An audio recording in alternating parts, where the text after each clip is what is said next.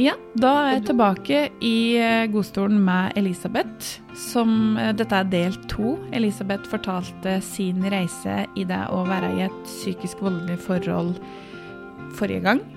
Eh, vi prata om eh, fra start til slutt, for Elisabeth kom seg jo ut av det. Så jeg tenker at jeg bare sier hei til deg, Elisabeth. Nå er du jo med meg fra Cecilia igjen. Det er jeg, vet du. Hei igjen. Nå prata jo du sist gang på eh, eh, Altså, du delte din reise. Litt sånn der eh, Kanskje på overflaten, men at vi fikk detaljene fra start til slutt, da. Eh, og så tenker jeg at eh, du fortalte jo at du fikk en litt sånn oppvåkning. Eh, når var det på en måte du fikk den oppvåkninga, og vil du fortelle litt mer om din historie? Ja, du, det vil jeg veldig gjerne. Um, jeg føler jo det at um, Det her med Jeg tror ikke jeg helt skjønte før jeg begynte å våkne hvor borte jeg hadde vært, på en måte. Um, sånn at um, jeg syns det er fint å kunne dele, dele, den historien videre. For jeg er ganske sikker på, og det, jo, det skjønner jeg jo òg gjennom andre som kommer til meg i terapi, for jeg får jo ofte selvfølgelig folk i terapi som har opplevd mye av det samme som meg. Da. Mm. Eh, og det er noe med det at du, har, du nummer deg sjøl så veldig. Mens du får, du får, og så blir det en vane. Og spesielt for meg som var i det her forholdet i 25 år, så ble det en måte å være i verden på. Sånn ja. at du, du, Jeg husker jo det at jeg, at jeg liksom Jeg tenkte jo ikke på det hver dag. Det, det var, eh, og, og, jeg tenkte ikke på det på samme måten som jeg gjør nå. fordi at det som skjer i en oppvåkning, er jo det at du forstår at wow, Oi, hva er dette? Ja. Ikke sant? Ja. Og, ja, så det var jo det som skjedde mm, med meg. Jeg har jo skrevet noen notater her, eh, Karina, fordi jeg har jo problemer med um, at jeg kan forsvinne litt i hodet mitt, i tankene mine. Og det er jo en konsekvens av det livet jeg har levd. At jeg rett og slett uh, uh, detter ut litt ja. innimellom. Jeg skal prøve å huke det inn så godt jeg kan, da. Ja. Derfor så har jeg en bok full med notater. Men det syns jeg er veldig deilig egentlig nå å få skrive ned masse. Så tusen takk for den muligheten til å fortelle min historie. Fordi ja. jeg vil jo jeg vil jo dele min historie nå mer eh, gjennom eh, bok, podkast, sånne ting. Sånn at det, det, her var veldig deilig for meg å få, få, det ut. For det hender noen ganger at jeg tenker guri meg, kommer jeg til å glemme det? Jeg trenger å skrive ned før jeg glemmer det. Men så kjenner jeg nå at det her er ikke noe du glemmer. Nei, det er Nei det, dette er noe som sitter i, i kroppen. Um, mm. Jeg kan jo ta en liten oppsummering av det vi snakka om i Eh, del én ja. før jeg fortsetter, sånn at vi liksom klarer å henge det på litt. Sånn at jeg også klarer å henge det på. Ja. um, men jeg altså traff jo en, en, mann da jeg var 19, som var ti år eldre enn meg. Og jeg traff henne et par måneder etter russetida. Eh, var ganske naiv og uerfaren. Eh, og veldig flink pike. Um, hadde mine mål, men jeg ble da dratt inn i et forhold med han ganske raskt. Og, um, og det jeg snakka om sist gang, vi snakka mye om røde, røde flagg. prata vi jo mye om forrige gang. Mm. Og alle de røde flaggene som jeg på en måte Jeg ser jo det nå når jeg ser tilbake på den jenta, at, uh, at hun reagerte på riktig måte. Um, hun uh, sto opp for seg sjøl og kjente at det her er jo ikke greit. Mm. Men så klarte han å, å, få henne tilbake ikke sant? gang på gang. Så, så, jeg vet ikke helt hva som skjedde bestandig, men vi kom jo alltid tilbake. Ja. Eh, og det var jo noen voldsomme røde flagg, egentlig, når man ser tilbake. Mm. um, og så begynte livet, da. Ikke sant? Ble gift og fikk barn og kjøpte hus og fikk et til barn. Og når du har to barn og jobber fullt, så da går året fort. Ja, de gjør det. ja. Så, så, jeg tror jo det at jeg forsvant mer og mer og mer for meg sjøl. Og jeg, jeg, pleier å beskrive det som at jeg kjente at jeg levde kun etter hvert kun da jeg var sammen med barna mine. Eh, da kjente jeg at jeg levde, da kjente jeg at jeg var full av kjærlighet. Og, ikke sant? og så, eh, i de mørke stundene, da, ikke sant, så var det da eksisterte jeg kun og overlevde egentlig fra dag til dag. Så det er så rart, for at det, akkurat som jeg overlevde fra dag til dag mens jeg samtidig levde i en veldig kjærlig verden med barna mine, hvor jeg var til stede. Mm. Eh, men det er klart at når jeg ser tilbake nå, også som terapeut, da, når jeg ser tilbake nå, så ser jeg jo det at jeg kan umulig ha vært den 100% tilstedeværende mammaen som jeg trodde jeg var. Um, og nå er barna mine voksne, så vi har jo hatt masse gode samtaler rundt det. Og fått klarlagt mange ting. Og de er ærlige, og jeg er ærlig. Uh, det er noe som er veldig viktig for meg i livet mitt nå. Og det er derfor jeg sitter her med deg. for det her med å være ærlig og mm. åpen, mm. det er så utrolig viktig. Mm. Um, så det som skjedde også da i alle de årene, var jo det at min eks var notorisk eh, utro. Og jeg eh, Etter hvert så ble det sånn at det var ofte med kvinner rundt i min sfære. Ikke mine venninner, da, det vil jeg bare si, mm. men i min sfære. Mm. Eh, det var akkurat som det handla litt om at det skulle skje liksom Akkurat som det var jeg, jeg har tenkt på det mange ganger at akkurat som det var et lite spill. At det det skjedde foran meg, men ikke helt klart. Skjønner du hva jeg mener? Ja. Sånn at um, en, for form, eksempel, ja, en form for på en måte for henne å ha kontroll, eller? Mm, ja, ja det, det, er jeg ganske sikker på. Også det at han kunne styre, at han kunne ha det beste av to verdener, på en måte. Ja. Eh, at der hadde han meg, der hadde han fasaden. Og der hadde han ikke sant, kone og barn og den biten der. Mm. Og, så, eh, og, så, hadde han livet sitt på siden, da. Mm. Men han kunne faktisk, og det, det, det, husker jeg at jeg så ganske klart da, men valgte å, å fordi Hvis jeg prøvde å konfrontere, så ble det trøbbel. ikke sant? Så etter hvert så bare går du stille i dørene og går på eggeskall og mm. sånn, sånn. Men han kunne f.eks. starte en diskusjon med meg om bare småting. Ikke sant? Eh, altså, trenger du liksom Kan du ikke flytte den sokken, liksom, må de sokkene ligge der? Og så kunne det gå fra 0 til 100 på to sekunder. Ja. Og, og, fem minutter etterpå så var han ute av huset, og da dro han til sin venninne. Å, herregud. Og, ja, og så ble jeg igjen. Jeg var jo alltid igjen i huset med barna. ikke ja. sant? Sånn, Hvor er pappa? Nei, jeg vet ikke. Nå kom pappa tilbake. Nei, det vet jeg ikke. Så jeg var alltid den som var igjen og måtte rydde opp. da. Og ja. det ble en sånn greie. Og, og, jeg visste jo hvor han var. Og jeg kunne også beskylde og si at det her er ikke bare venninne. Og da var det jeg ikke sant? Og da er det gaslighting. Ja. Ikke sant? At mm. da er det jeg som er idioten. Og mm. jeg som ikke skjønner. Og stakkars han som ikke har noen venner. I, det her er ikke hans hjemland. Og jeg er så mye sammen med mine venninner. Og det er jo også noe som er en utrolig viktig del av min historie. da, I forhold til den friheten som jeg lever i nå. Ja. Når jeg vil forklare om forskjellen på mitt liv nå og da, er det her med at, at jeg fikk ikke lov å ha et normalt forhold til mine venninner. Ikke sant? Sånn at det, Åh, det er så snudd på hodet. Ja. alt, alt sammen blir så snudd på hodet.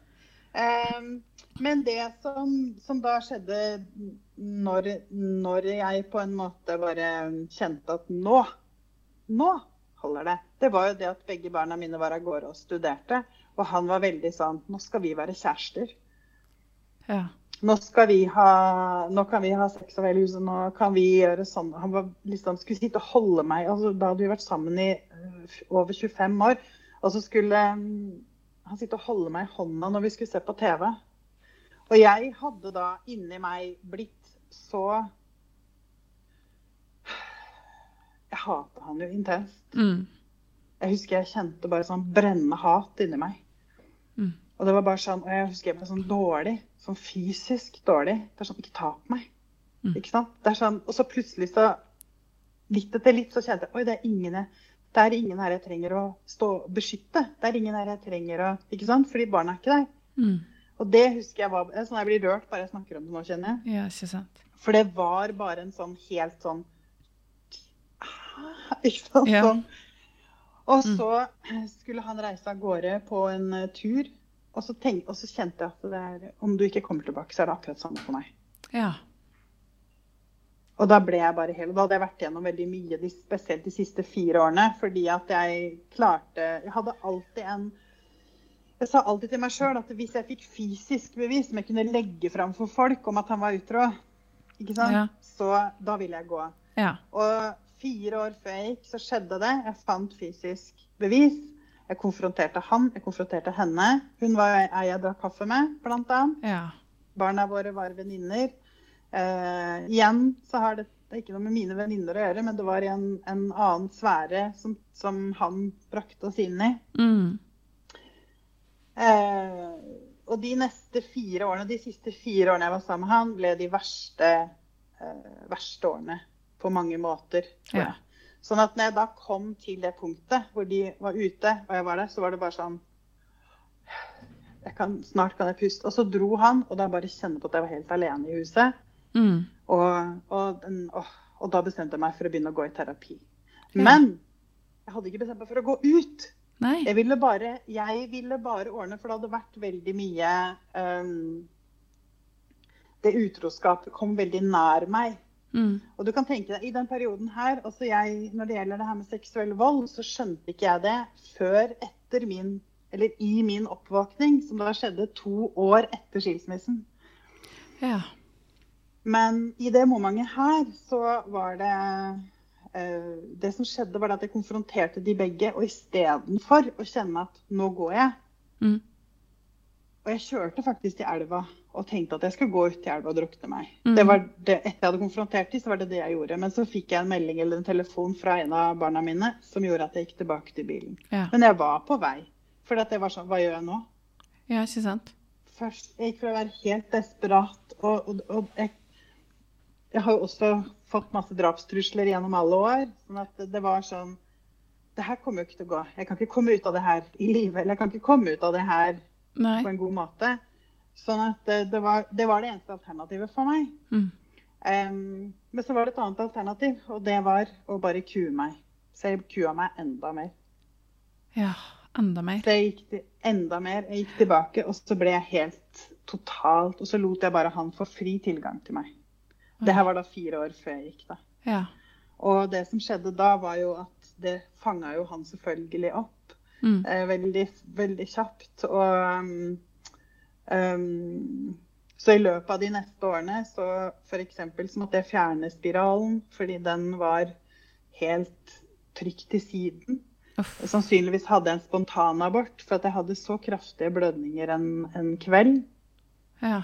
Og men jeg fant ut det etterpå at mens jeg lå i senga og hadde de her blødningene, så satt han og meldte med uh, hun elskerinna si i sofaen i stua.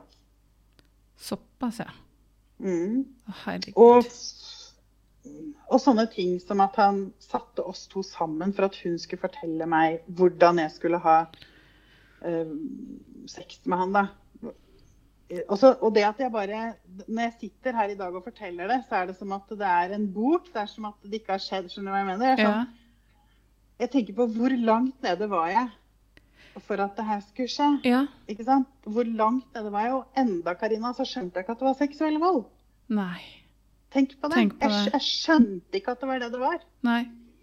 Og jeg skjønte ikke at det Og det er klart at det skjedde masse andre ting liksom, tidligere, men det her, de fire årene, de siste fire åra, de var de verste som jeg opplevde i forhold til alt sånt. Ja. Og alt det som går inn da til å holde fasaden enda mer. Mm. Ikke sant? Til å være Altså jeg ser liksom Jeg har lagt ut bilder ikke sant, på Facebook og sånn, vi er på ferie og alt mulig, og alt er sånn, og alle sånn Å, dere er så flinke og har ting sammen. Å, så koselig. Å. Ikke sant? For vi Mm. gjorde masse ting sammen også som par, og alle trodde at det var helt fantastisk. Ja. Så har du den Og bare den styrken det krever av et menneske også å leve i det her, tenker jeg mange ganger. Ja. At, eh, ikke sant? Mange sier til meg 'kjære vene Elisabeth, at du står på to bein i dag', liksom. Ja. Og så er jeg sånn 'hæ, snakker du om meg? Hva, hva har jeg gjort?' Ikke sant? Ikke sant? Fordi at du Ja, det er, det er helt sprøtt å tenke på. Mm. Um, men da jeg kom til det punktet, altså at jeg ville gå i terapi Men jeg ville gå i terapi for å Mitt, min, mitt mål da, med å gå i terapi først, det viser hvor sjuk jeg var egentlig, Ja.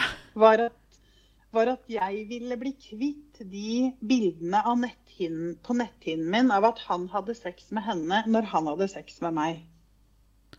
Det Ja. var derfor jeg ville gå i terapi. Ja, for at jeg lettere kunne ha sex med han uten å tenke på at han hadde vært utro. Å, Er ikke sjukt? Er ikke det helt sjukt? Jo, det Altså, jeg får frysninger, jeg. Det er jo Altså Jeg har egentlig ikke ord for det. For det, er jo, det sier jo litt hvor langt nede du var, og hvor kua Underkua du var, da. Og det ser jeg nå. ikke sant? Tenk på det. det er liksom hvor mange, altså den her, Å finne tilbake til deg sjøl. Det her med å finne øh, Det er jo det man sier ofte med de som har vært i slike forhold, da, med Mm. vold i nære relasjoner, at det her Du trenger å finne din nye normal. Du må finne et helt nytt liv. Ja. Og det, er, ikke sant? og det er ikke før det, det ser jeg jo, at det er ikke før jeg landa i mitt nye liv at jeg skjønte skjønner rekkevidden av det. Mm. Og det var jo det også som skjedde med den, i, i den oppvåkninga, da. Eh, som skjedde da eh, et par år etterpå. Men, men da, sant, da jeg ville gå i terapi, da ville han også gå og da, da falt jo han helt sammen, og da innrømte han alt. For han hadde jo ikke villet innrømme noen ting. Nei, Nei, jeg har aldri vært utro, jeg, og ha-ha-ha-ha. ikke sant. Ikke sant? Åh, Ja. jeg blir irritert, kjenner. Mm, ja. og da var det sånn eh, Prøvde jo han også å gå litt til min terapeut og ikke sant, sånne ting. bare sånn, og Det var mer, tror jeg, bare for å Jeg vet ikke. Det er vel en greie, det der med at da skulle Jeg tror det er et sånt kjennetegn, egentlig, på veldig mye Mm. greier. Men da skulle han også, ikke sant, vise at eh, Ja, han det, det, det var Stakkars stakkars meg han. og ja, ja, stakkars meg. ja. Ja. Og det har jo vært veldig mye sånn 'stakkars meg'. Mm. Mm. Og det merka jeg jo da. For det, jeg, først da hvor jeg sa For da ble han veldig sånn og var helt ærlig. Og da innrømte han jo at de faktisk hadde holdt på i flere år. Og det visste jeg jo egentlig, for det var jo det jeg hadde kjent. Mm. Gå langt inne. Uh, dette her er da fire år etter at det har skjedd, så da var jo hun på en måte ute av alt Uh, og sånn. Men Og så tenkte jeg jeg hadde, at jeg liksom ville holde det her gående. Uh, jeg ville prøve å fikse det mens vi fortsatt liksom Fordi tanken på å, å liksom kunne leie en leilighet et sted For det første så hadde jeg jo ikke noe sparing i det hele tatt. Jeg hadde jo ikke spart noe penger i det hele tatt, jeg. Og, øh, og så det der med at øh, Ja, bare ta det skrittet, da. Når du har vært sammen med, med en mann siden du var 19, i 25 år, og så er du der hvor du er. Sånn at jeg prøvde først å være hjemme i eh, noen få måneder, men det gikk ikke. Jeg, jeg, jeg merka at jeg ble dårligere og dårligere og dårligere. Fordi han gikk han, han var, Fra den ene dagen til den andre så ble han offer. Det bare Ja. skjedde sånn. Ja. Mm. Og så jeg fikk da leid meg en leilighet, og jeg jo Jeg tror jo på manifestering, og jeg tror på at universet hjelper meg. Det visste jeg ikke helt da, men jeg hadde alltid drømt om en leilighet når jeg lå der i senga på kveldene og fikk en stund alene og liksom tenkte på at det, det livet jeg ønska å leve da. Ikke sant? Og jeg bare jeg husker jeg kjente dypt, dypt inni meg at og lå der i senga og skyldte på at jeg hadde vondt i hodet. Jeg hadde mye hodepine, så det hendte at jeg skyldte på hodepine bare for å få ligge alene på soverommet. Ja. Um, og, da, og da kunne jeg ligge sånn og så bare, bare visste at det her er ikke livet mitt. Liksom. Litt sånn der, fra en annen film sånn This is not your life. ja. Han der, er det han å, Robin Williams han har en sånn greie sånn derre This is not your life. Oh, ja. Og det var sånn jeg følte. At det var liksom Det er noe mer der ute. Altså, det her er ikke meningen. Jeg husker jeg tenkte sånn Jeg lå der, og, så, og jeg var helt sånn Jeg husker jeg følte meg som jeg lå i sånn fosterstilling, liksom. Sånn Ja. liten. Og, og det var sånn Det her er ikke meningen. Det er ikke det her som skal Det er ikke sånn det skal være. Mm -mm. Ikke sant? Det er ikke, livet mitt skal være noe helt annet. Det, det skal ikke være sånn som dette. Og det var sånn, Men jeg kommer ikke Men jeg, jeg, jeg følte virkelig at jeg var låst. Ja. Jeg følte virkelig at jeg ikke kunne noe, gå noe sted. Men da hadde jeg da klart å bygge opp det, og det hjalp jo selvfølgelig det med at jeg ikke hadde noen å beskytte. Og det hadde skjedd uansett. For det har vært liksom sånn Å, var det liksom det tror jeg er, er det verste. Vi har snakka litt om morsrollen, du og jeg, Karina, og det der med at uh, at jeg ble så lenge pga. barna mine. Men jeg tror egentlig det var egentlig barna mine som holdt meg gående gjennom det også samtidig. Ja. For jeg, jeg, vet ikke om hvordan det hadde vært uten barn. Det kan man ikke si. Men det har nesten vært noe av det verste for barna mine. har vært det der med at, eh, at jeg ble og hadde det vondt pga. de. At jeg hadde det vondt for at de skulle ha det godt, på en måte. Ja, ja. Så det er noe med det der og Eh, jeg er veldig glad i Glenn Boy, som har skrevet denne boka 'Untamed', hvor hun skriver det her med at eh, som mor det her med å være rollemodell og, og ta vare på deg sjøl kontra det å være martyr og se på deg sjøl som offer, og, og, at du ja. kjenner at ja, jeg ofra meg for det. For, og det sa jeg faktisk i starten i min uh, prosess, at uh, når jeg kom tilbake til meg sjøl, at jeg ofra meg for mine barn. Jeg holdt mm. til og med webinar hvor jeg sa at jeg ofra meg for mine barn. Og nå sier jeg ikke det lenger, fordi de orda som jeg leste i boka hennes, de var så Det var sånn Shit, det der er meg, liksom. Ja.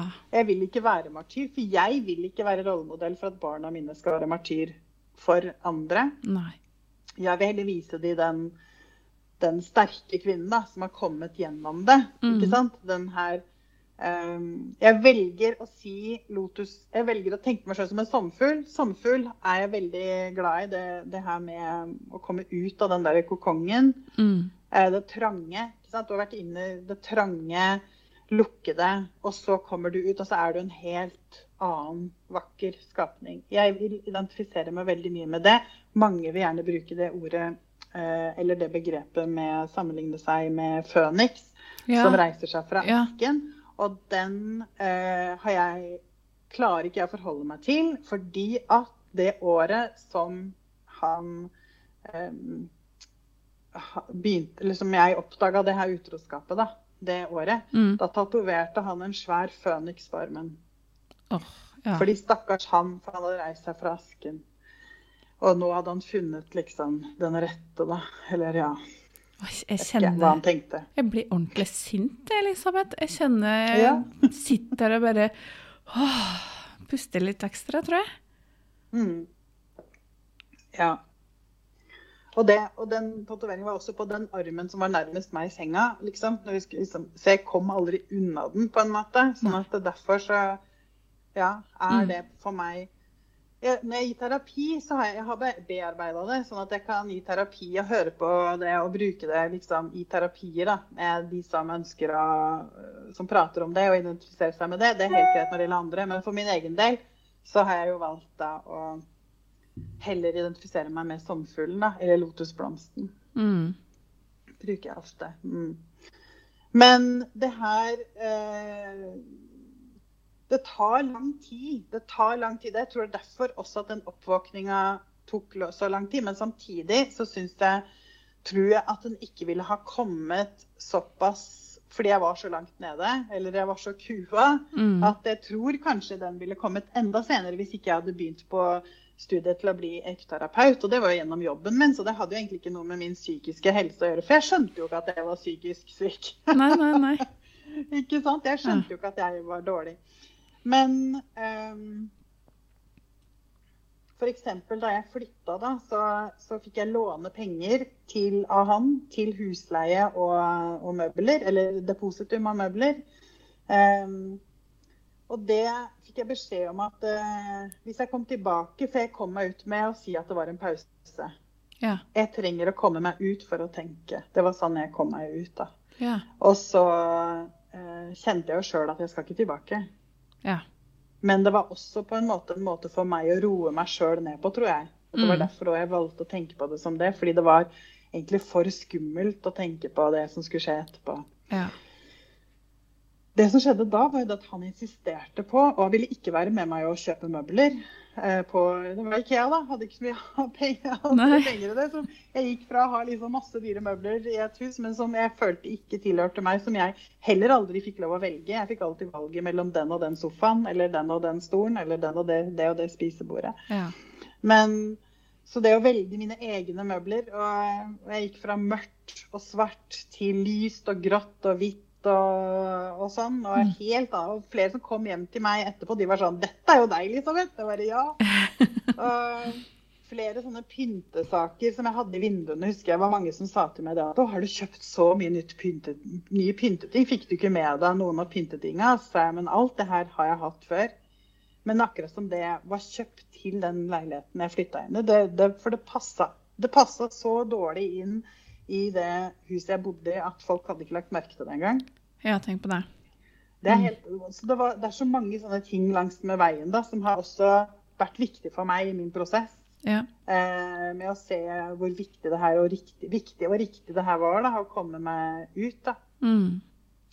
Um, men med de montering av møblene, da insisterte han på å komme og montere møblene for meg. Ja. Og, da, og, og da var jeg også så under kua at jeg sa ja. ja. Jeg så ikke noe annet. Altså, det, var, det var lettere for meg å si ja enn å ikke gjøre det. Helt til jeg da hørte altså Det som skjedde, var ofte etter en time så begynte han å gråte, og da måtte vi dra. Fordi det her ble for tungt, da. For han. Ja. Åh. Igjen for han. Og så, ja, ja. Uff a meg. og, så, kunne det komme sånne ord om meg som setninger som at um, Du er modig, altså. Og ja, du er kjempemodig som tror at dette skal gå bra. Oh. Ikke sant? Ja. Eller uh, har du kjøpt dobbeltseng? Ja, jeg har kjøpt dobbeltseng. Ja. Ja vel. Mm. Jeg tror at jeg skal kjøpe enkelseng. Etter altså, Sist gang jeg så på enkelseng, så var jeg 19. Det er liksom...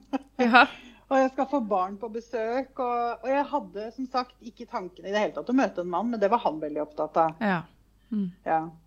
Um, men det som skjedde, var det at uh, uh, plutselig så begynte det å komme folk til meg, eller damer da, til meg på besøk, som Mm. ville skravle med meg. Så trist. Og, og jeg vil komme og se sånn fått, og de liksom ga uttrykk for at de var mine venninner. eller sånn, ikke sant? Og det her var jo så, jeg, jeg hadde jo ikke fått jeg hadde jo ikke min egen sfære med venner Nei. lenger. Jeg hadde to-tre venninner som jeg hadde klart å holde kontakten med fordi vi hadde barn og jeg kunne bruke det. ikke sant, At vi skulle møtes på playdates eller ikke sant. Mm. Og, vi, og vi klarte å holde kontakten. Og så eh, hadde jeg da, og så var da, Men mitt sosiale nettverk var jo det her treningssenteret han hadde skapt med mitt også mitt ja, Jeg gjorde jo alt der, egentlig. Alt usynlig gjorde jo jeg. Ja. Eh, fikk jeg beskjed om å gjøre, så jeg var utslitt. Men jeg ble jo satt inn der som eier og daglig leder. Og, og jeg jobba jo da 100% i barnehage og hadde fullt ansvar for barna mine. Eller barna våre. Men det som skjedde da, var jo det at eh, det kom noen til meg, og så, og så pumpa de meg litt for informasjon. Og jeg skjønte jo det her. Da visste ikke jeg noe om flyvende apekatter eller narsissister eller psykopater eller noen ting. Nei. Men jeg skjønte at kanskje det Men jeg hadde den her utroskapsgreien bak meg, ikke sant? hvor jeg visste at det var eh, OK, har du har det vært på deg òg? Eller, ikke sant? Ja. Så jeg begynte å si ting til de som jeg visste at jeg bare hadde sagt til den personen. Ja. Og da begynte jeg å få telefoner fra ham Mm. om at eh, med liksom trusler og eh, sånn og sånn, da. Og så fikk jeg høre det at eh, han ikke klarte å ta vare på firmaet sitt, eller de, det treningssenteret. da, At han kom dit og var helt duknakka. Um, og at folk liksom sa hva skjer liksom sånn Nei, hun har ingen til å hjelpe seg, så jeg må hjelpe henne å montere møblene i den nye leiligheten. Og det sliter meg ut. og det er så forferdelig. Og, men hun, hun må ha hjelp av meg. Hun må ha hjelp av meg. Og når jeg hørte det, så var det bare sånn Jeg, jeg hadde jo venninner og menn og dem som sto i kø for å hjelpe meg. mm. Og jeg klarer fint å skru sammen Ikea-møbler sjøl også. Ja. Ikke sant? Ikke sant? Ja. Og da var det bare sånn Stopp. Ikke sant? Nå. Mm. Og da stoppa jeg, og da var det sånn Du kommer ikke hit. Og du Ikke sant? Det var Jeg begynte liksom å Det begynte å koke. Du sier da, du blir sint, ikke sant? Det begynte Ja. å koke Ja. i, i meg litt også. Ja. Ehm, sånn at eh, jeg hadde Jeg, jeg merka jo jeg, ser jo på bilder av meg sjøl som jeg tok på den tida der. Tok noe, liksom litt selfies og litt sånn noe til venninner eller ikke sant. Fordi det som skjedde da, var at uh, da går du inn i en sånn um, berg-og-dal-periode. Hvor Mm. at du er liksom så høyt oppe. For det er sånn derre Shit, jeg kan bestemme over meg sjøl. Ja. Jeg kan bestemme, Hvis jeg har lyst til å drikke vin med ei venninne til lunsj på en lørdag, så kan jeg det. Mm. Altså, for det kunne jeg ikke før. Så gjennom det å oppdage min nye tilværelse og ta fatt i mitt nye liv, da, så oppdaga jeg jo hvor mye som jeg hadde gått glipp av. Det oppdaga jeg. Men jeg oppdaga også hvor giftig unnskyld meg, det hadde vært eh, livet før. da. Mm. Hvordan jeg hvordan jeg ikke engang tur, liksom, Hvis, jeg, hvis vi skulle møte noen venninner og spise ute, så hadde jeg liksom visse dager jeg kunne gjøre det på. Visse klokkeslett. Um, og så måtte jeg si fra at jeg skulle det, og da ble jeg alltid møtt med det at venninner er viktigere enn familien eh, for deg, altså. Herregud. Tenk på barna Ja. dine. Tenk på barna dine. Ja. Ja. tenk på barna dine. Ja. Og så Hvis jeg f.eks. da Så jeg gikk masse på eggeskall, ikke sant? og så bare nei, torsdag skulle ut spise med de, og så hadde jeg en venninne som bodde i Spania, så det ble veldig Og, og han likte faktisk henne. Så hun, når hun da kom eh, til Norge på besøk, så, så da var det alltid lettere for meg, husker jeg, å si vi skal ut og spise fordi hun er hjemme. Ja. Og da var det lettere på en måte å få hva skal jeg si da, i gåseøynene nå tillatelse. Få lov, ja. Ja, ikke sant. For lov, ja. Ja. Uten at det, det ble brukt mot meg, da. For da var det spesielt fordi hun var hjemme. Ja. Og, men jeg opplevde jo ofte det at da jeg kom hjem, og jeg kom jo aldri på noe seint, jeg var hjemme kanskje sånn halv elleve eller ja, Mm. ti-halv elleve, liksom. Når jeg kom hjem, så kunne jeg se fra veien jeg gikk opp veien at TV-en sto på. At det var lys i stua, at TV-en sto på. Og så låste jeg meg inn. Innen jeg hadde kommet meg opp i annen etasje i stua, så var det helt mørkt, og han hadde gått og lagt seg. Og da var det stille. Da var det sånn Hva heter det for noe, Karina? Um, Taushets... Uh, Taushet som straff, eller Ja. Som straff. Ja. Mm, mm. Mm. Du skulle straffe deg for at du var, du var ute, da. Mm, mm. Fordi venninnene mine var viktigere. Da. Sant? Og det var sånn, Jeg møtte kanskje venninnene mine kanskje én gang i måneden, kanskje én gang annenhver måned. kanskje. Ja. Ja. Etter hvert så hadde jeg jo en venninne som også har vært min nærmeste støtte, og den som jeg på en måte har, er så nær meg, da. Eh, nå når jeg bor på Sicilia, så har vi vin, vi møtes og tar et glass vin hver fredag på Messenger. Ja. ja. Men vi, vi lagde en sånn avtale ganske tidlig, egentlig da, når barna var ganske ja, i sånn skolealder. Eller, ja. Om, for vi fant stadig ut at den ene hadde vært på, på, på kjøpesenteret, da.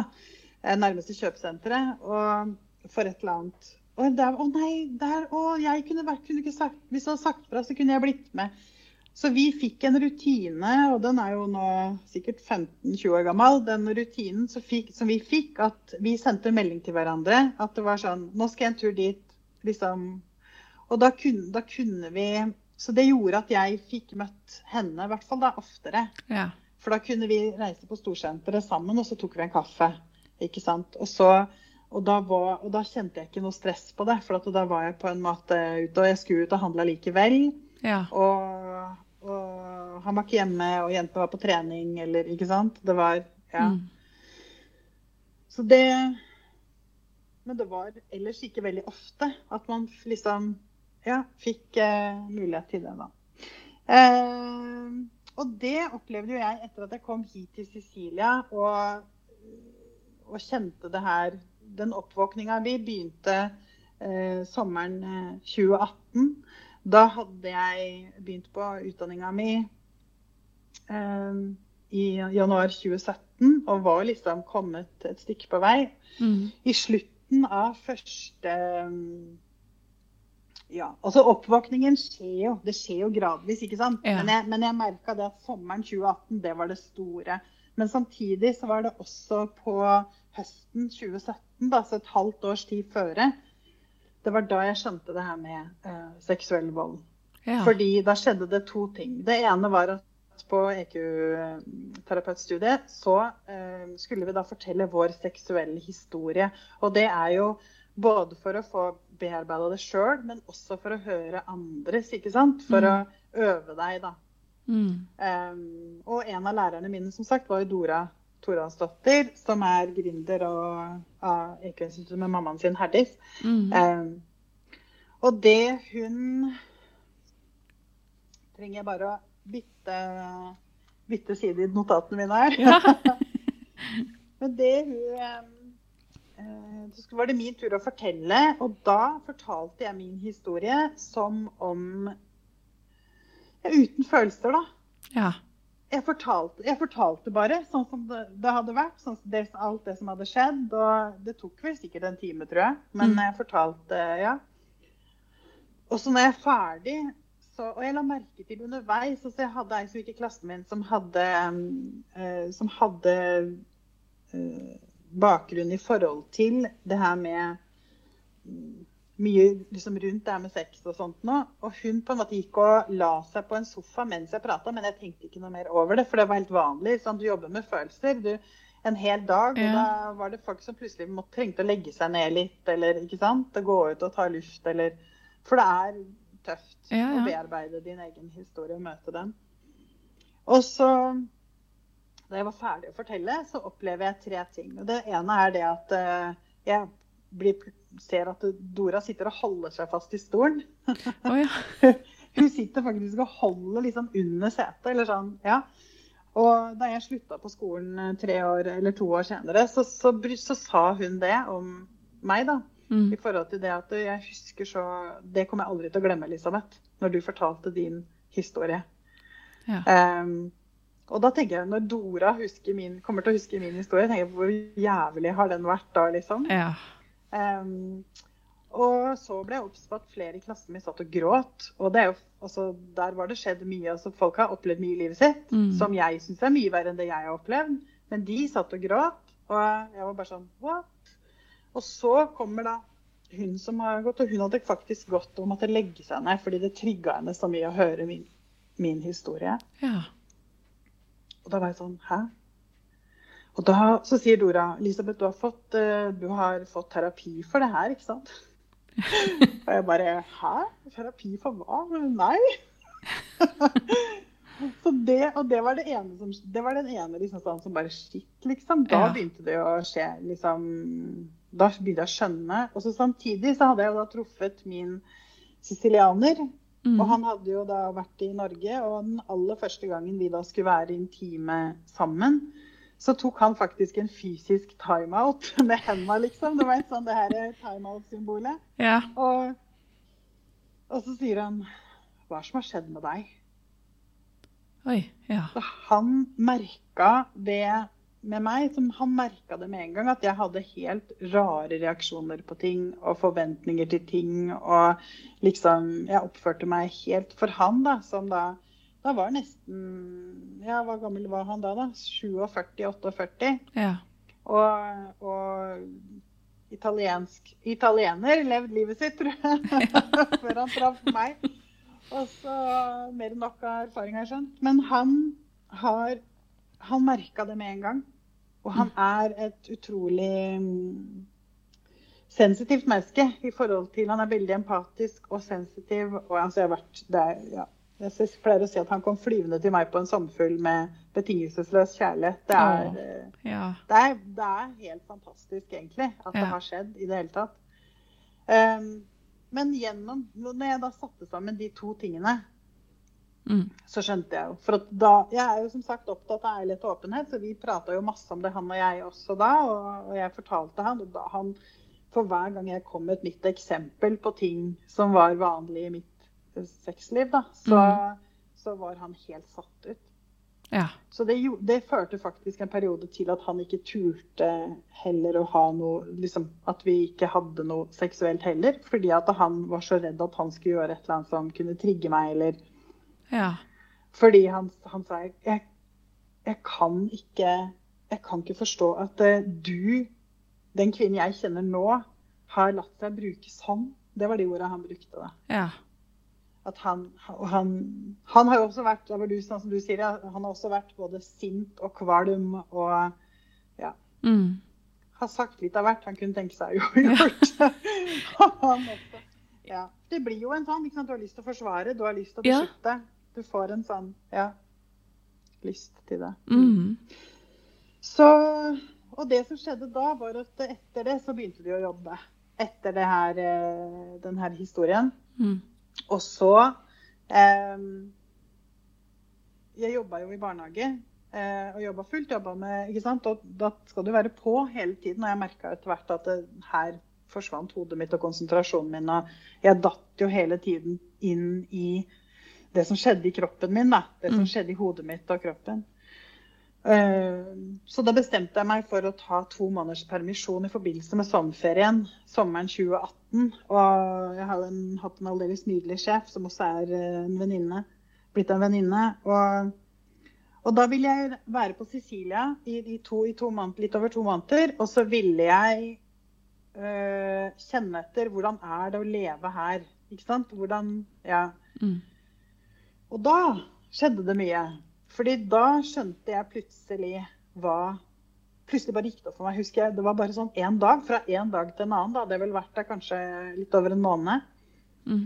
Og fra én dag til en annen så skjønte jeg det er dette som er et normalt parforhold. Det er jo dette som er normalt, Elisabeth. Hva er det du har opplevd i 25 år? Ja. I 25 år! Jeg var, og, jeg, og, jeg, og, og det bare gikk Altså, det var sånn at jeg, jeg klarte nesten ikke puste. Nei. For at det, jeg ble helt sånn Plutselig, bare for, plutselig så forsto jeg. Plutselig forsto jeg. Eller brikken på en måte bare falt på plass. Da. Falt på plass. Ja. Ja. Og jeg blir sånn frysen når jeg snakker om det. For Ja. det, det var bare en helt syk opplevelse. Ja, Da vil jeg tro. Mm. Mm. Og det var sånne ting som annet at uh, um, Bare hverdagen, for det første. Bare hverdagen, liksom. Selv om det var ikke noe hverdag siden jeg ikke jobb, jobba, men, det, men liksom den hverdagen. Og så å leve med et annet, en annen person på en normal måte. Jeg vet ikke hva jeg skal forklare det på sånn. ja. Men, eh, men også det at eh, ikke sant, her er det jo vanlig å gå ut og spise med venner da, hver lørdag. Mm. Og de er jo på min alder. Altså min eh, nye kjæreste, eller nye, nå har vi vært sammen snart i fem-seks år. Men han er jo to år, bare to år eldre enn meg. Og, sånn at våre venner er i sånn 50-55 rundt der, da. Ja. Og så var vi ute og spiste med venneparene. Um, og så satt jeg der, og jeg, da kunne jo ikke jeg noe særlig italiensk. Jeg begyn- liksom hadde begynt på kurs og prøvde å lære. og liksom, Men jeg skjønte veldig lite. Og da var jeg litt sånn takk internett, for da kunne jeg liksom gå litt inn på telefonen min når de Først var de veldig sånn han oversatt og sånn, men så selvfølgelig vil de prate Ja. uten at alt skal forklares liksom i, i sånn sakte versjon til meg. da. Ja. Så I starten så var det veldig sånn at jeg kunne ramle inn i mine egne tanker. Men jeg hadde også vært ærlig med samboeren min da, eller ja, kjæresten min da, om at eh, jeg kjente på det eh, veldig når vi var sammen med venner, det her med mitt nye liv. Altså liksom at jeg ramla litt tilbake, da. Mm. Og han var veldig oppmerksom på det, så han kunne plutselig liksom bare ta på meg og så si 'går det bra'? Eller ja. ja. Um, men jeg husker da at jeg satt der, og så forsvant jeg litt i min egen verden. Og så plutselig så bare tok Det høres veldig rart ut, men jeg, jeg tok meg sjøl i å tenke tanken Wow, endelig så får jeg også lov å være ute sammen med de voksne. Ja, ikke sant? Tenk på det. Hæ? Oi. Da er jeg nesten Og da er jeg nesten Altså da var vel jeg ja, 46 eller noe. 6-47. Ja. Hæ? Oi. Ja. Til endelig her, her kan nå endelig Og bare sånn derre Wow! Oi. Og det var liksom samme opplevelser da, som gjorde at jeg skjønte at shit, hva, hva Ja. har livet mitt vært, da? Mm. Hva, hva, ikke sant? Det var helt sånn himmelfallen, egentlig. Og det jeg gjorde da, var at jeg, jeg skrev mye. Men jeg tok også brukte telefonen min, og så gikk jeg til havet. Eh, når alle italienerne eller alle sicilianerne går til lunsj, da er det helt stille på stranda. Så da gikk jeg til havet. Og, for vi bodde jo da i, i familiens eh, leilighet ved, ved stranda. Så jeg bare gikk ned dit, og så satte jeg meg på noe berg, og så bare prata jeg bare alt inn i der. Og jeg grein og jeg skreik, og da gikk jeg på terapi. Så det var på en måte egen terapi som jeg ga meg sjøl, da. Mm. Um, så jeg fikk ut mye. Og så skulle jeg da tilbake til Norge um, og begynne på jobb igjen 1.10. Uh, og, den, og 1.10.2018 var min siste arbeidsdag i barnehagen. Ja. Jeg tror jeg var der en halv dag, og så dro jeg hjem. Og etter det så ble jeg sykemeldt. Arbeidsavklaringspenger, og her er jeg. ja. Mm. Fordi at da det, var, det satte i gang prosess skikkelig. ja, men når var det du på en måte kjente at du bestemte deg for å flytte til Sicilia? Du, flytte, ja, det var Det som skjedde da i 2018, var det at eh, gjennom legen min da, så fikk vi time hos DPS. Som, Da var det to psykiatere som møtte meg. For de, hun hadde skrevet om ekoterapi, og de var sånn Hva er dette for noe? Dette er noe rare greier. Ja. Så de, var, de, møtte, de, de møtte meg, to psykiatere, for å liksom bare Ja, vi ser eh, legen din har skrevet mye her om ekoterapi. Og um, det virker jo sånn, hvis vi leser mellom linjene, da, så virker det jo som at eh, etter at du begynte med eh, ekoterapi, så, så har du blitt verre. Og så sa jeg, men er det ikke det som er meninga, da? Mm.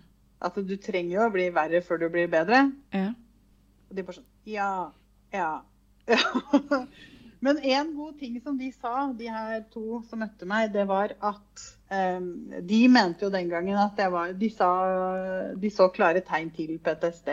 Og, Mm. men de mente samtidig at jeg var liksom i god stim med det måten jeg tok vare på meg sjøl på, og alt det her, med, med terapi. Og de sa til meg at um, ja, De ga meg forskjellige råd og ting som jeg skulle gjøre da. Gå på angstkurs og litt sånt noe. Og at jeg kunne kontakte et, um, et sted hvor jeg kunne snakke om det her konflikten med at han gjorde meg syk. Fordi den sommeren 2018, det var jo siste gangen jeg snakka med, med min eks, eller hadde kontakt med min eks. Ja. Jeg så han én gang, trengte jeg være sammen i sommeren 2019 i forbindelse med en sånn eksamen til barna våre, men ellers så da behandla jeg han som luft. da. Ja. Men det, det var liksom Fordi jeg ble fysisk syk av å være i nærheten av han. Ja. Mm. Jeg, kunne, jeg lå liksom Hvis jeg skulle være sammen med han i løpet for en bursdag eller jul eller et eller annet, så lå jeg en uke etterpå. Såpass, ja. Eh, ja, ja. Og jeg Ja. fikk også lange angstanfall. Ja. Ja, Mm. I forbindelse med, med det. Mm. Men så det de sa til meg, var at eh, de sa det høres ut som du har det best på Sicilia. Så vi håper egentlig Vi anbefaler at du nå framover nå tar små turer til Sicilia. Sånn liksom legge opp sånn at du Fordi det høres ut som der får du hvile. Ja. Um, og der får du liksom Ja. Og det er viktig. Og så håper vi for din del at du får flytte dit etter hvert. Og det sa de i 2018. Og jeg husker at jeg ble sånn satt ut. Jeg bare What? Liksom. Fordi det, det var selvfølgelig når du er forelska, så er jo det så klart en drøm. Ja, ja. Ikke sant? Og det her med også Det er jo en annen historie. med Det her med at jeg traff eh, kjæresten min og sånn. Det er jo en helt annen historie. Jeg kan ta en helt annen episode. Ja. Men, men, eh, men det var helt sykt at noe sånt skulle skje i livet mitt. ikke Mm. sant? Altså Med det livet jeg levde, som var så underkua, som jeg måtte gå på eggeskall for å be om å få drikke en kaffe med en venninne. Ja. Og så plutselig liksom så Vips. Ja. Eh, Men så eh, Grunnen til at jeg liksom til slutt kom hit da i august 2020 og bestemte meg for å ikke reise tilbake, det var jo at jeg var her Vi hadde liksom en plan. Det året så skal vi teste ut sånn. Og vi hadde en langsiktig plan, han og jeg. For han, kjæresten min her, har vært veldig på det at det skal være riktig for deg i forhold til barna dine. og han var veldig sånn Jeg vil ikke at du skal sitte der og grine fordi du savner barna dine. Sånn, ikke sant? At du ikke er klar. Og det syns jeg er fantastisk, fordi det kjenner jeg jo at eh, jeg trengte de årene. Å komme dit at jeg ikke kjenner på dårlig samvittighet for å sette meg sjøl først. For det er jo den reisen jeg har tatt. Ja. Det her med å finne tilbake til meg sjøl, våkne opp og kjenne hva har skjedd i livet mitt, bearbeide det, samtidig som jeg går videre. Fordi at eh, jeg føler jo det at livet mitt før og nå, det er to forskjellige mennesker. Det er to forskjellige planeter. Virkelig. Ja. Og, og det å gå videre da, det krever så sykt mye av deg, altså. Det gjør det. Fordi det er Det, å, det er så Det er så Det er så fler... Eh, eller det er så nå, nå, nå, nå vet jeg ikke hvilke ord jeg skal bruke engang, men det er, så mange, det er så mange ting på en gang, da. Mm. Som eh, surrer rundt i deg når du har opplevd, eh, når du har opplevd akkurat det her. Og, og det her med å ikke sant? Det var jo gode dager òg. Det var gode tider òg. Det var gode stunder òg. Mm. Eh, og stort sett var det alltid med barna. Ja. Ikke sant? Og altså, vi hadde normale taco, normal tacofredag og normale ferier og normale helger. Og da var vi en familie, og da var alt helt perfekt. Mm. Um, Og da- og, og det savner jeg mye. Jeg savner jo det.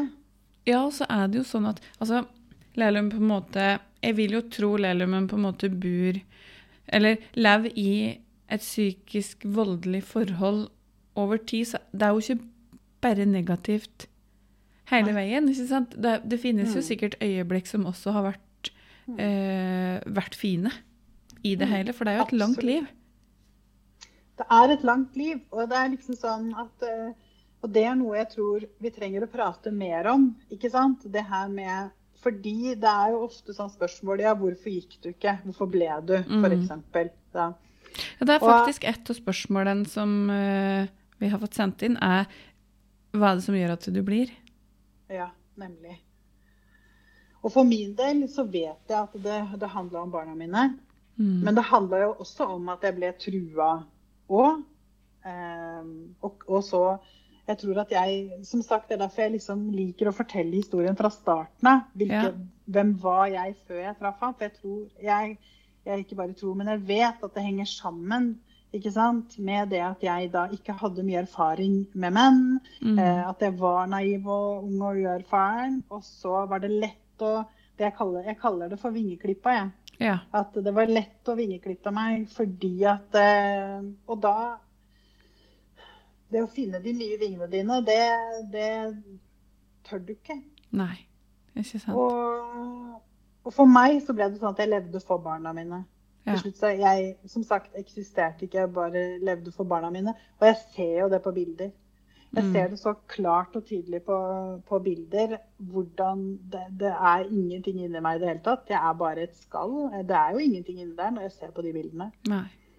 Og når jeg sammenligner bilder av meg sjøl før og nå, så f.eks. her på Cecilia hvor ingen har kjent meg før, så tror de noen ganger det er søstera mi. Ja. Altså de, har, de, de vet jo hvordan søstera mi ser ut, men de tror Ja. det er en annen søster. da. Ja, så sant. Dette er ikke deg. Fordi at de, de kjenner ikke igjen det mennesket på det bildet. Nei. Så Men jeg, for min del så var det det. Og jeg tror det at eh, du rett og slett er så manipulert og kontrollert. Bare det at jeg fikk det fysiske beviset. Mm. Og jeg hadde bestemt meg for at da skal jeg gå. Mm. Og Og så ble jeg enda mer ja, Ja. ble jeg enda mer brukt. Ja. En, ikke, ikke bare at jeg blei, men jeg lot meg sjøl Altså, jeg på en måte jeg bare ga opp. Ja. Mm. Jeg ga opp totalt, liksom. Så ja. Men jeg tenker sånn som eh, eh, Når du som 19-åring da kommer i et sånt forhold For jeg tenker det er spørsmålet som du har fått her i forhold til hva det som gjør at du blir, da. Tror du det handler om lav selvfølelse? Ja, altså jeg vet i hvert fall at jeg hadde vel ikke noe selvfølelse. Nei, for det er Da, det har jeg tenkt òg. ja, Ja. Nei, jeg, altså jeg var jo ikke til stede i meg sjøl. Og jeg var en jente med veldig god selvtillit og selvfølelse. Ja. egentlig. Selv om jeg kunne hatt mer av det. fordi som 19-åring så har du liksom ikke Ja, det, det, jeg var jo ikke 100 men liksom Det her det, Du blir ribba for det, rett og slett. ja, du blir jo gradvis brutt ned, på en måte. Ja, du gjør det. Ja. Mm. Ja, så det, er helt, ja, det er klart. Mm. Det er klart. Og så er det det der med at når du da, sånn som jeg da, som levde det livet her i 25 år, når du har gjort det så lenge, så Fordi på utsiden så var jo alt fantastisk. Mm. Sånn at da blir det sånn Ingen vil jo tro på meg. Nei. Hvem vil tro på meg? Hvem vil forstå meg? Hvem vil høre på meg? Mm. ikke sant? Hvem vil tro på meg nå? Etter at, etter at de har sett meg leve et, eh, liksom, et liv da så, over så lang tid i en fasade som, som eh, jeg også var med på å skape. Mm. Og som var så komplett at til og med barna mine ikke visste noen ting. Ja. Ikke foreldra mine som bodde i samme gata engang. Enn da vi var masse på ferie med de. De var hjemme hos oss på middager. De skjønte innimellom. Og jeg tror kanskje mer i starten enn på, på slutten. For etter hvert så ble det bare en måte å være, være på. Ja. Men de reagerte jo på enkelte ting innimellom, liksom. Men jeg tror de bare Ja, ja. Sånn er det liksom i ekteskap. Det er opp og ned og Mm. Ja. Mm. Ja. Men uh, Nei, jeg, jeg absolutt at det har med, med, med lav selvfølelse å gjøre. Mm. Mm. Mener jeg. Mener jeg. Mm. Ja, for det er jo, det er jo klart at uh, du har jo ikke Altså, det høres jo ikke ut som du på en måte har hatt Fikk lov til å ha dine egne meninger, eller din verdi var mye mindre, da. Mm. Mm. Ja, det var jo sånn at- og Hvis jeg kom med mine menn, da var jeg gal. Og jeg kom fra en gal familie. Ja, ja. Og ikke sant, alle Ja. Ehm, det, det ligger jo i, i familien din, og du er, det er galskap og bla, bla, bla. Så jeg fikk liksom Du blir liksom brutt ned hele tiden. og Dine meninger har jo ikke noe Jeg har jo en kjæreste nå, f.eks., som er veldig på det her med å Han kan tulle og tøyse. De har en veldig sånn typisk litt sånn rå humor, akkurat som min engelske familie. Mm. Um, men, og det kan, han kan liksom noen ganger liksom, Her da, er det veldig vanlig å tulle med hverandre og kalle deg for dum. Litt, å, dumming, ikke sant? Eller, ja. sånn. Og jeg i begynnelsen Da ble det diskusjon. ja. ja. det, det gikk rett inn i trigger, altså. Det Ja. var helt Det var sånn derre Hva mener du? ja. Det var, ja, da, da ble jeg skikkelig Så det Vi har på en måte funnet vår måte å tulle og tøyse med det på. Men samtidig, det er jo det jeg hele tiden snakker om da, med andre, det her med gavepakker. Mm. At hver eneste utfordring og trigger jeg møter, er jo en gavepakke for meg. En gave sånn at jeg kan få bearbeida enda mer av det. For jeg vil jo ikke dra med meg denne dritten videre. Nei. Ikke sant? Jeg vil ikke ha med meg det her videre. Sånn at uh, hver gang jeg møter noe sånt, så er det, så er det en gave for meg. Selv Mm. om jeg trenger å da skrike og grine litt og kanskje til og med måtte sove mer, eller ikke sant? Ja. Gjøre mine, mine triks da, for å, for å komme meg videre. Mm. Mm. Ja. Herregud, Elisabeth, det er litt av en historie du eh, har, altså. Ja, jeg har skjønt etter hvert at, Ja. at det er det. Ja. Og Karina, det her er jo første gangen jeg forteller så mange detaljer ut i verden ja. hos deg. Det setter jeg veldig stor pris på. At jeg er den første som du deler det med. Mm. Så Tusen hjertelig. Ja. Ja. ja, takk for at du spurte. Veldig, jeg tenker, Det er en gave, det også. ja, så bra. Ja. Og så har vi jo eh, For jeg spurte jo på Instagram i forhold til om det var noen som hadde noen spørsmål eh, som jeg kunne stille deg. Eh, og det ene spørsmålet har jeg jo stilt tidligere, dette med hva er det som gjør at du blir.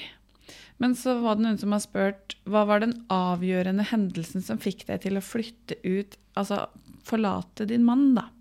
Mm. Og det var vel det, har jeg forklart vel kanskje i den episoden nå. Ja. Ehm, fordi at det, det var jo det her med den følelsen av at nå var det ingen der jeg trengte å beskytte mer. Det var ingen der jeg trengte å ta hensyn til lenger. Mm. Um, og jeg husker godt at når, jeg på en måte, når det ble en sånn eksplosjon da hjemme hos oss ved at jeg sa at jeg ville i terapi, han lurte på hvorfor, og jeg forklarte hvorfor, og så tror jeg nok at han hadde en mistanke om hva det handla om. Og det var jo sånn ofte at eh, Og da kom plutselig alt. Da innrømte han jo alt plutselig. Ja. Men samtidig, med en gang da, så gikk det fra 0 til 100 sånn som det pleier, hvor han skrev liksom da ringer jeg eiendomsmegler i morgen, da ringer jeg advokat, og da Og så bare løp han ut av huset. Og da, og da husker jeg, Mm. og det er viktig for meg, for da husker jeg at jeg sto på toppen, for liksom utgangsdøra var i første etasje, og vi var stua i andre etasje. Mm. Og da husker jeg at jeg sto på toppen av trappa der og ropte ned Ja, bare dra, du. Og det er søren ikke sikkert at jeg er her når du kommer tilbake. For nå er det ingen her som jeg trenger å være her for lenger. Ja. Husker jeg at jeg ropte. Og da gikk det fem minutter, og så kom han tilbake. Ja. Ikke sant. Mm. Så um, jeg, jeg bare begynte, Plutselig så bare begynte det å røre seg inni meg. Ja. Og det hadde jo vært en prosess over tid. ja, det det har jo vært... Det hadde jo skjedd over tid. Ja. Men det var på en måte det som var litt sånn den Ja, og da bare rulla ballen videre. Mm. Da begynte det å rulle. Og i løpet av en uke så var vi på hvert vårt soverom, og i løpet av to-tre måneder så var jeg ute av Ja. huset. Mm. Mm. Men eh, ja, som jeg, det har jeg fortalt om, da. Prosessen litt Ja. tidligere. Men så bra. Mm. Mm. Og så har vi fått inn Dette er vel egentlig kanskje litt et spørsmål til både meg og deg, da, men hvordan kombinere EQ-terapi og kognitiv terapi, er det noen som lurer på? Oi, kult! Og der, der har jeg et forslag, Elisabeth. Om vi Ja. kanskje skulle tatt en egen episode på det? Litt sånn derre hvordan kombinere EQ-terapi og kognitiv terapi? Absolutt. Ja, det syns jeg hadde vært kjempespennende. Ja? Veldig. Ja. Vi har jo snakka om det tidligere. Ja? Og vi vet at det er mye likheter, og, og at det kan utfylle hverandre på en veldig fin måte. Ja, absolutt. Så ja. Nei, det vil jeg gjerne. Så da tenker jeg at eh, til den som har stilt deg spørsmålet, så eh, kommer det en egen podkastepisode på det. Yes. Bra. Så bra. Mm. Eh, og så har jeg siste spørsmål her. Eh, kommer du til å tilgi han?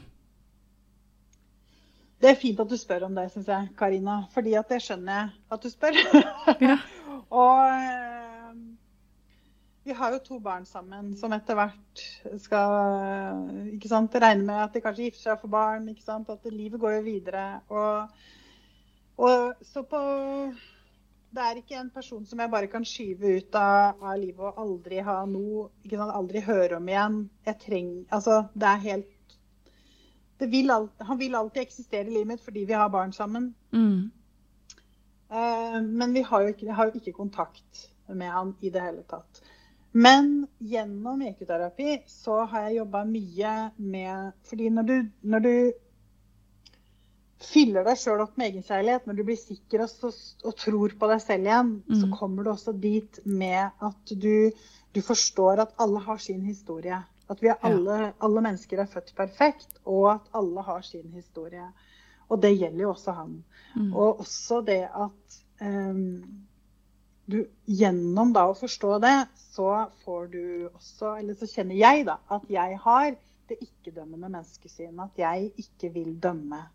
Mm. Og det faktisk, da jeg kom dit, at jeg kjente at nå er jeg der, at jeg er ikke-dømmende, Ja. så hjalp det også meg med tilgivelse. Ja. Det hjalp meg å komme videre. Fordi det har vært, så det har vært en måte for meg å kunne klare å, å begynne å høre om han igjen. Begynne å ikke sant, forholde meg til han igjen. For at jeg har virkelig blokkert ute og gitt beskjed at jeg vil ikke høre noen ting. For jeg blir sjuk, jeg blir fysisk Mm. dårlig. Um, så det er en øvelse Jeg øver meg på og, så, og eh, i små doser, da. Og forholde meg til tanken på at jeg trenger å forholde meg til han senere. Og for Mm. å gjøre det, så trenger jeg å komme dit ikke sant, i forhold til at jeg da er mer på tilgivelsessiden enn på hevnsiden. Mm. Som jeg har vært. Jeg har vært på hevnsiden, det kan jeg si. Ja. I ekoterapi kan du gjøre alt. Så han har blitt kutta opp i biter, og han har blitt Ja. dytta ut av vinduet. Så, sånn at eh, jeg har altså gått min reise. Men jeg har nå havna på det med at det hjelper så utrolig deilig å ha det ikke-dømmende menneskesynet. ja. For det gjør at jeg vet at det her har skjedd for en grunn. Mm. Og, og også da øve meg på takknemlighet. Og kjenne på Ja. det. Fordi livet mitt nå, Karina, er så fantastisk. Og så hadde du sagt til meg for ti år siden at eh, Elisabeth, om i 2000 og i 2022 så kommer du til å sitte på Sicilia på ditt eget hjemmekontor i en leilighet som du deler med din italienske forlovede. Mm. Da hadde jeg sagt at hvilken Netflix-film er du har savna, ja, Karina? Ja. Det bare, du snakker i hvert fall ikke om mitt liv. Nei. Fordi det her er så altså, Første gangen jeg var på besøk her på Sicilia, det var en 1. mai-helg. Det var første gangen jeg skulle se Sicilia. Jeg hadde aldri vært altså Jeg hadde vært én gang i Italia. Jeg ble invitert av kjæresten min til Milano eh, Mm. noen få dager. Men jeg så nesten bare Milano by night, fordi at han var jobba på en messe, og jeg var jo med på den messa, da, siden det var liksom da vi kunne være sammen. Og sånn at eh, jeg kom hit og så, Du, 1. mai i, eh, i 2017, da sitter jeg altså rundt et bord på et sånt, et sånt nydelig, gammelt murhus på landet med hos mine da, sicilianske svigerforeldre med broren og samboeren og hans datter. Og, sånn, og så sitter, og altså 1. mai er jo ganske sånn, Jeg er korpsmenneske, da. Så 1. mai for meg det er jo korps og 17. mai, eller maiflagg og ikke sant? Eller Mm. da ordner vi i hagen og Jeg hadde jo mine greier. Og så sitter jeg Elisabeth sitter på den sicilianske landsbygda med sin italienske kjæreste ved siden av spiser siciliansk hjemmelagd mat fra mamma Maria. Som en gang hun så meg, så sa hun bare 'finalmente', som betyr 'endelig', og kyssa meg på begge kinn. Og jeg husker at jeg bare satt ved det bordet, og så at jeg klyper meg sjøl i hånda. jeg satt og kløyp meg sjøl i hånda under bordet, for jeg var sånn Shit, Skjer dette her? Ja. hva skjer? Ja, Ja. skjer det her? Er det er, Det var sånn. Altså, det, jeg får grøsninger bare jeg sier det nå. Jeg, Jeg fikk frysninger. Fordi, ja, for det var sånn Er Ja. er det liksom sånn Går det her an? Ja. Og vet du hvem som gjorde det mulig, Karina? Det var meg. ja. Det var jeg. Fordi jeg våkna opp, og fordi jeg begynte å sette meg sjøl først. Mm. Fordi jeg begynte å ha tro på at det er ikke sånn Jeg fortjener ikke det her. Det er Mm. ikke sånn det skal være. Så bra. Ja, så jeg kjenner at det Uh, Nei, helt uh, fantastisk. Ja. Og sånn at, det, at jeg kjenner på så mye takknemlighet for det livet jeg lever nå, så tenker jeg at jeg har kommet dit at hadde jeg ikke opplevd dette andre, så hadde jeg jo ikke vært her. Nei. Det er jo noe med det. Mm. Så ikke det at jeg kjenner på noe Jeg er ikke noe takknemlig for han for det han gjorde mot meg. Men ikke sant, det er, jeg tror at det er vanskelig å forstå det hvis ikke du har gått gjennom den prosessen sjøl. Mm. Beklager, nå ramla det ned en olje her. Jeg blir så ivrig. Jeg er blitt litt sånn italiensk. Jeg veiver med hendene mine overalt når jeg prater. Ikke Jeg sant? blitt litt italiensk prega. Men eh, nei, ja. Så det Svaret på det er eh, at eh, det er godt, kjenner jeg, å være i verden nå. Så blir det jo spennende selvfølgelig nå videre når jeg velger å dele min historie. Mm. Fordi det kan jo også sette Så det er liksom det som på en måte jeg kjenner jeg tenker på iblant. At Ja. det kan sette kjepper i hjula, kanskje. Mm. Men så kjenner jeg at det er så viktig. Ja. Det er så viktig Det er å det, dele absolutt. disse historiene. Ja, vet du hva? Og det er for viktig til å la det være. Ja. Ja. Og det er jo derfor jeg jobber nå med det ja. her. Mm. Jeg har lyst til å bare helt sånn på tampen Har du noe du vil si til noen som lever i et sånt type forhold? Som har det sånn akkurat nå? Jeg opplever at det, riktig, det viktigste og riktigste mange ganger å si, er at det er håp. Mm. Og at du kan klare det. Men det er viktig at du er klar. Mm. Ikke sant? Det er jeg, ingen av oss altså Vi kan se og jeg tror at Hvis noen hadde sagt til meg Elisabeth, dette er ikke bra for deg, jeg hadde uansett ikke kommet meg ut. Nei. Og det som skjer ofte hvis du prøver å hjelpe en som du vet du ser ikke har det godt, da, Mm. sant? så kan det ofte gjøre det verre for deg sjøl, fordi den personen vil da sannsynligvis kutte deg av. Ja. Um, fordi at du er en trussel. Og, og hva skjer når det kommer en trussel inn i forholdet? Da går det utover den som er der. Ja. Ikke sant. Sånn at jeg vil si til Hvis det er noen som hører det her og lever i det, så vil jeg si at det går. Du kan klare det. Og vi er her for å hjelpe deg. Jeg er her for å hjelpe deg og støtte deg gjennom det. Og det er bare å ta kontakt med meg Mm. med, på melding, eller eh, at man kan ta Jeg har, har snakka med mange kvinner i bilen Mm. Mm. fordi ja, ja. Og da tenker jeg at vi kommer inn på um, hvor er det folk kan nå det hen? Altså hvor finner de deg? Mm. Ja, jeg har jo Mitt firma heter jo Volo ekoterapi og veiledning, men jeg uh, falt ikke helt i ro med det. Jeg ville ha noe annet. Sånn at Instagram-kontoen min, den gjorde jeg om navnet på til Livets bølger. Så eh, at Livets bolger heter det jo der, siden vi ikke har Ø. ehm, på Instagram, og det heter også det samme på Facebook, så heter også min side den nå, Livets bølger. Fordi jeg opplever at det, det, det ble jeg, jeg ville ha noe som viste min prosess og livet, og hadde Ja. tilknytning til der vi er nå. Ja. Um, for det er jo sånn, livet er jo som bølgene. Noen ganger rolig, og andre ganger så, det, så går det veldig fort. Mm. Og ja. Um, veldig urolig.